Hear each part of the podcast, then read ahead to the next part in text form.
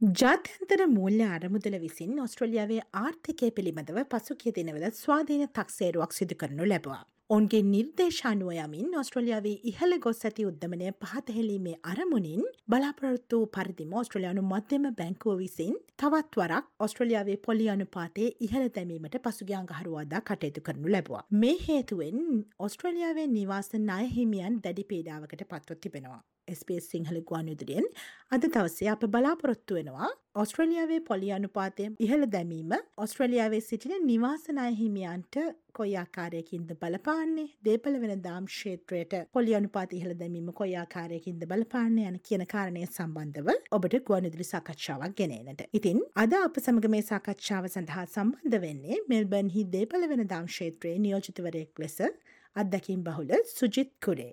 අයිබෝන් කියල පිළිගන්නා සුජිත් ඔබව අයිබුවන් ඇතිනි ඔව සුජිත් ඔස්ට්‍රනියාවේ මේ පොලි අනුපාත ඉහළ දැමීම දේපල් හා නිවාස ශ්‍රේත්‍රයට බලපාන්නේ කොහොමද ම මුලින්ම බෙන් දැනගන්නට කැමතියේ ගැන. පහුගිය මාස පහලෝ ඇතුළතදී දහතුන් පාරක් වැඩිවෙච්ච මේ ඉන්ට්‍රස්ට්‍රේට් එක දැන් ඇවිල්ල තියෙනවා හතරයි දශම තුනයි පහකට. එතකට මේ වැඩිවීමත් එක්ක අපි ගත්තොත්තේම දෙදස් විසි දෙකේදී මැයි මාසින්දන් නවම්බර් මාස වෙනකං ලක්ෂ පහක නායක් ගත්ත එක්කෙනෙක් වැඩිපුර ගෙවන්න වෙලා තියෙන එක්දස් දෙසිය දහයක් හත්ලක්ෂ පනස් දාක නායක් තියෙන එක්කෙනෙක් එක්දස් අරසිය පහලක් වැඩිපුර ගෙවනවා. එතර මිලියන් එකක් නායක් තියෙන එක්කෙනෙක් දෙදස් හාරසේ විස්සක්. සමහර වෙලාට බැලුවත් හෙම මේ දෙදස් විසි දෙකේ මැයි මාසේ ලක්ෂ පහට ගියපු ගාන වගේ දෙගුණයක් දැන් ඒවලට ණය හැටියට ගෙවන්න වෙලා තියෙනවා. ඇත්තට මේ වගේ වාතාවරණයකද අපි හැමෝටම හිතෙන්නේ එහෙමනම් මෙච්චර මෝගේජ් එක වැඩි වෙලා තියෙනවා නම් දැන් ඕස්ට්‍රේලියාවේ දේපල වල මිල ගණන් සැහැණ අඩු වෙලා ඇති නේද කියලා. නමුත් අපිට පේන විදිහට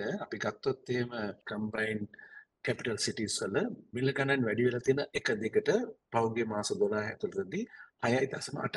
රීජනල් ඒරියාස් වල වැඩි වෙලා තියෙනවා සීට දෙකක් ඕවරෝල් සමස්තයක් හැටියට මුළු ඕස්ට්‍රේලියාවම පහයි දස්ම හයක නිවාස වැඩි වෙලා තියෙනවා. එහෙම කොහොමද වෙන්නේ? එක පැත්තකින් ඉන්ට්‍රස්ට් රේට් එක වැඩි වෙනවා, මෝගේජ් එක ගොඩාක් ගාණකින් ගෙවන තියෙන ණය වාරික ගොඩක් ගාණකින් වැඩි වෙනවා. අනිත් පැත්තෙන් දේපොළ වල මිල ගණනුත් වැඩි වෙලා තියෙනවා. එහෙම වෙන්නේ ඇයි කියන එක අපි හැමෝටම ප්‍රශ්නයක්. ඒකට වෙන්න හේතුවක් තියෙනවා. දැන් පහුගිය දවස්වල ඕස්ට්‍රේලියාවේ පැමිණි නෙට් මයිග්‍රේෂන් එක වැඩිපුර මෙහෙට ඇවිල්ල තියෙන ඉන්ටර්නේෂනල් ඇවිල්ල තියෙන කට්ටිය සෑහෙන සීග්‍රීන් වැඩි වෙලා තියෙනවා. ඒ වගේ එහෙම එනකොට මයිග්‍රේෂන් එක වැඩි වෙනකොට වෙන්නේ නිවාස වලට තියෙන ඉල්ලුම වැඩි වෙනවා. ඊළඟට දැන් අපි බැලුවොත් එහෙම මේ මේ தත්ත්වය පටන් ගන්නේ මේ මාසේ 2022 ඊට ඉස්සෙල්ලා තිබෙන කොවිඩ් තත්ත්වයත් එක්ක අවුරුදු දෙකක තුනක කාලයක් ඕස්ට්‍රේලියාවේ ජනතාවට ලැබිච්ච ගෙවල් වල ඉඳගෙන Tamanට සාමාන්‍ය විදිහට වියදම් කරපු ජීවත් වෙච්ච ක්‍රමය නැතුව ගෙවල් වලට හිර වෙලා හිටපු එකත් එක්ක වියදම අඩු නිසා රජිනුත් යම් කිසි දීමනා හම්බෙච්ච නිසා ඒගොල්ලන්ගේ තියෙන මේ ඉතුරු කිරීම වැඩි වෙලා තියෙනවා. එතකොට අඩු පොලි අනුපාතයත් එක්ක ගොඩාක් කාලයක් හිටපු නිසා ඒගොල්ලන් තමන්ගේ ලෝන් වලට වැඩිපුර සල්ලි ගෙවලා තිබුණා.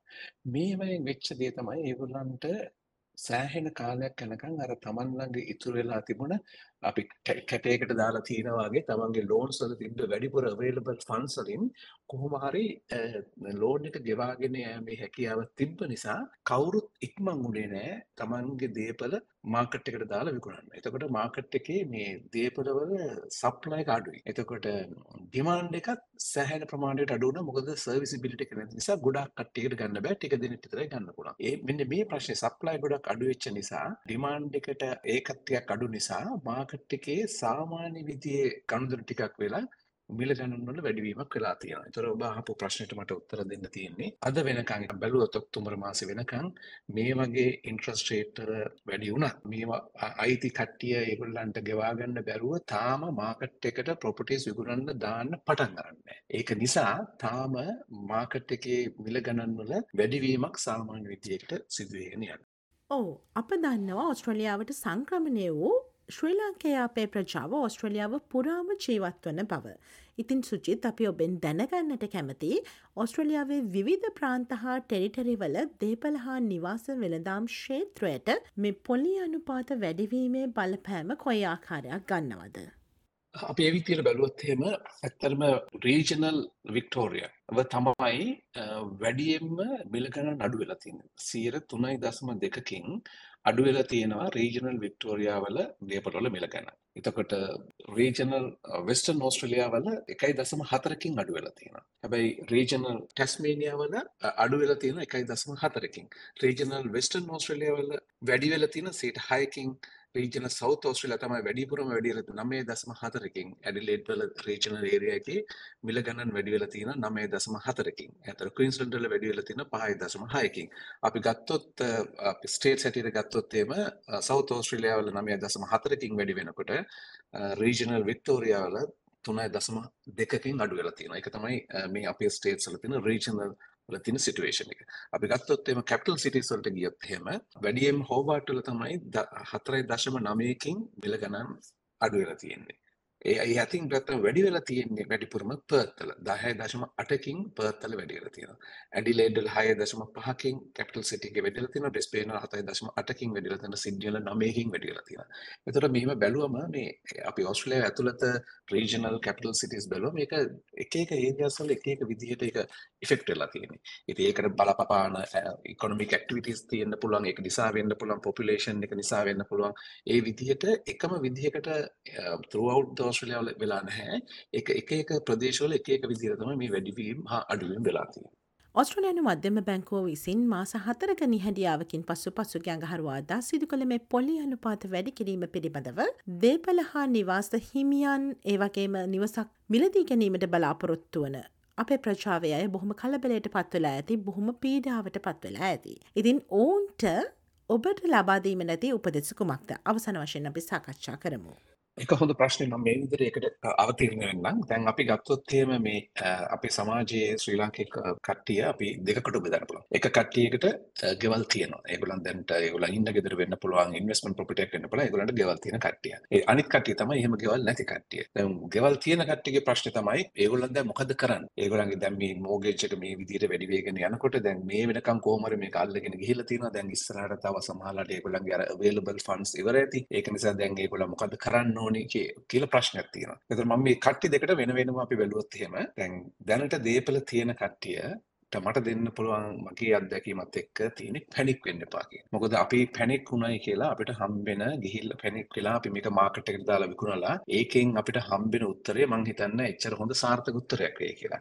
අනිවාර්යයෙන්ම අපිට ඒක තියාගන්න බැරි නම් ගෙවන්න බැරි නම් අපිට අනිවාර්යෙන් මේ වැඩේ කරන්න වෙනවා. නමුත් අපි ඒකේ මූලික දේ හැටියට අපි ඒක කරන්න යන්න හොඳ නෑ. ඊට ඉස්සෙල්ලා අපිට කරන්න තියෙනවා වෙන වැඩ රාජකාරී ටික. පළවෙනි එක තමයි ඔබ දන්නවා මේ බැංකුවලත් ඒගොල්ලන්ගේ ලෝන් බුක්ස් ගොඩක් අඩු වෙගෙන යන්නේ. ඒකන හැම බැංකුවක්ම උත්සාහ කරනවා වෙන බැංකුවක තියෙන කස්ටමර් කෙනෙක් තමන්ට ගෙන්න ගන්න. ඒ වෙනුවෙන් ඒගොල්ලන් දෙනවා බෝනස් ඩොලර් 4000ක ඩොලර් 5000ක බෝනස් දෙන්න. ඉතින් ගොඩක් මම හිතනවා හොඳ ව්‍යායාමයක් ඔයගොල්ලන්ට පුළුවන් නම් තමන්ගේ ඉන්න බැංකුවට අමතරව වෙන බැංකුවකට ගිහිල්ලා ඒ බැංකුවේ මොනාර ඒම බෝනස් එකක් දෙනවා නම් ඒක ගන්න පුළුවන් නම් ඒ ඩොලර් 4000 5000 කියන්නේ සෑහෙන ප්‍රමාණයක වැඩි වෙච්ච එකෙන් කව කරනවා. at least මාස 4ක 5ක වැඩි වෙච්ච එකකින් කව කරගන්න පුළුවන්. අනිත් එක තමයි දැනට බැලුවම් පස්සේ මේ පහුගිය දවස්වල ඕස්ට්‍රේලියාවේ තියෙන මේ බිල්ඩින් සොසයිටිස් මේ හෝම් ලෝන් කරන බිල්ඩින් සොසයිටිස් ඒගොල්ලන්ගේ ෆික්ස් රේට්ස් අඩු කරලා තියෙන 106ට වඩා අඩුයි. ඒක නිසා තමන්ට පුළුවන් මේ ලෝන්ස් තියෙන කට්ටිය ටිකක් මාකට් එක හොඳට ගිහිල්ලා කම්පෙයාර් කරලා බලන්න අඩුවෙන් ඉන්ට්‍රස්ට් රේට් තියෙන්නේ කොහෙද කියලා. හැබැයි මතක තියාගන්න ෆික්ස් රේට් එකට යන්න ඉස්සෙල්ලා හොයලා බලන්න ඒගොල්ලන් අවුරුදු දෙකේ තුනේවා සියට හයකට අඩු කරලා තියෙන්නේ. ඒතර ඒ ආයතන දන්නවා මේ අවුරුදු දෙකක් තුනක් යන ඉස්සලා මේ රේට්ස් අඩු වෙනවා කියලා. ඉතින් ඊට ඉස්සලා ඒගොල්ලන්ගේ පෝර්ට්ෆෝලියෝ එක තියාගන්න ඒගොල්ලන් රේට්ස් අඩු කරන එකකින්ද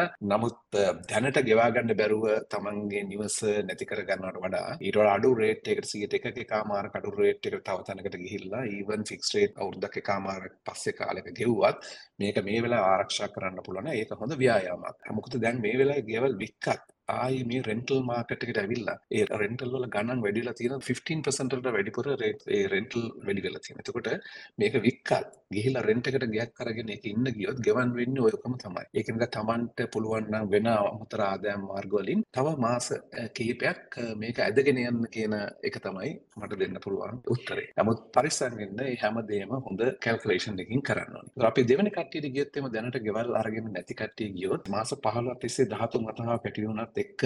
මේක හෝල් කරගන්න බැරුව. එතර ෆික්ස් රේට්ටල ඉඳලා ඒවා දැන් ඉවර වෙන කට්ටිය මේක ගෙවාගන්න බැරුව මාකට් එකට ඉස්සරහට ප්‍රොපර්ටිස් එන්න පුළුවන්. ඒක ඇත්තටම අපිට තියෙනවා ඔබ දන්න හැටියට ස්ට්‍රින් එකේදී.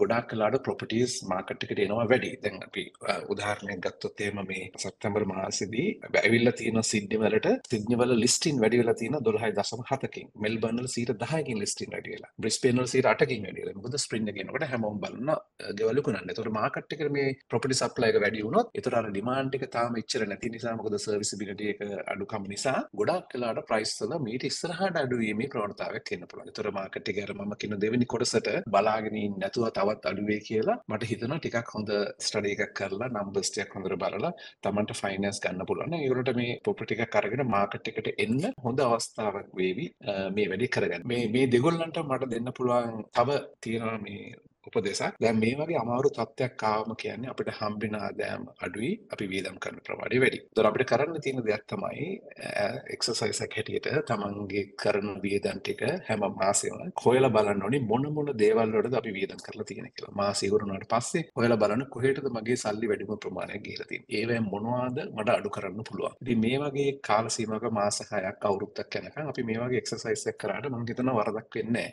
ඒවෙන් සැහැණ ප්‍රමාණයක් සමහර වෙලාවට හොයා ගන්න පුළුවන් වෙයි මොන මොන තැන් වලින් අපිට අපි වියදම් කරන දේවල් අඩු කරලා අපිට කොහොම හරි අපේ තියෙන අපේ ඩ්‍රීම් එක ඕස්ට්‍රේලියානු ඩ්‍රීම් එකක් ඇතුලේ තියෙන අපි මේ ගෙදර තියාගෙන එක කොහොමද කරන්න කියලා. ඉතින් මේවත් එක්ක කටයුතු කරොත් හොඳයි කියලා තමයි මගේ නම් අදහස. ඔව් ඔස්ට්‍රලියාවේ මධ්‍යම බැංකු විසින් පොලි අනුපාත ඉහළ දැමීමත් සමග ඔස්ට්‍රලියාවේ දේපල වෙළඳාම් ක්ෂේත්‍රයට කොයි ආකාරයකින්ද බලපාන්නේ ඔබ ඒ පිළිබඳව කටයුතු කළ යුත්තේ කොයි ආකාරයකින්ද කියන කාරණය පිළිබඳවයි SBS සිංහල ගුවන් විදුලියෙන් අපි අද දවසේ අවධානය යොමු කළේ. ඉතින් මේ වැදගත් ගුවන් විදුලි සාකච්ඡාවට අප සමග සම්බන්ධ වුණේ මෙල්බර්න්හි සිටින දේපල වෙළඳාම් ක්ෂේත්‍රයේ අත්දැකීම් බහුල නියෝජිතවරයෙක් වන සුජිත් කුරේ. සුජිත ඔබට බෙහෙවින්ම ස්තුතිවන්ත වෙනවා අප සමග සම්බන්ධ වීම ගැන. බොහොම ස්තුතියි මට අවස්ථාවක් දුන්නා.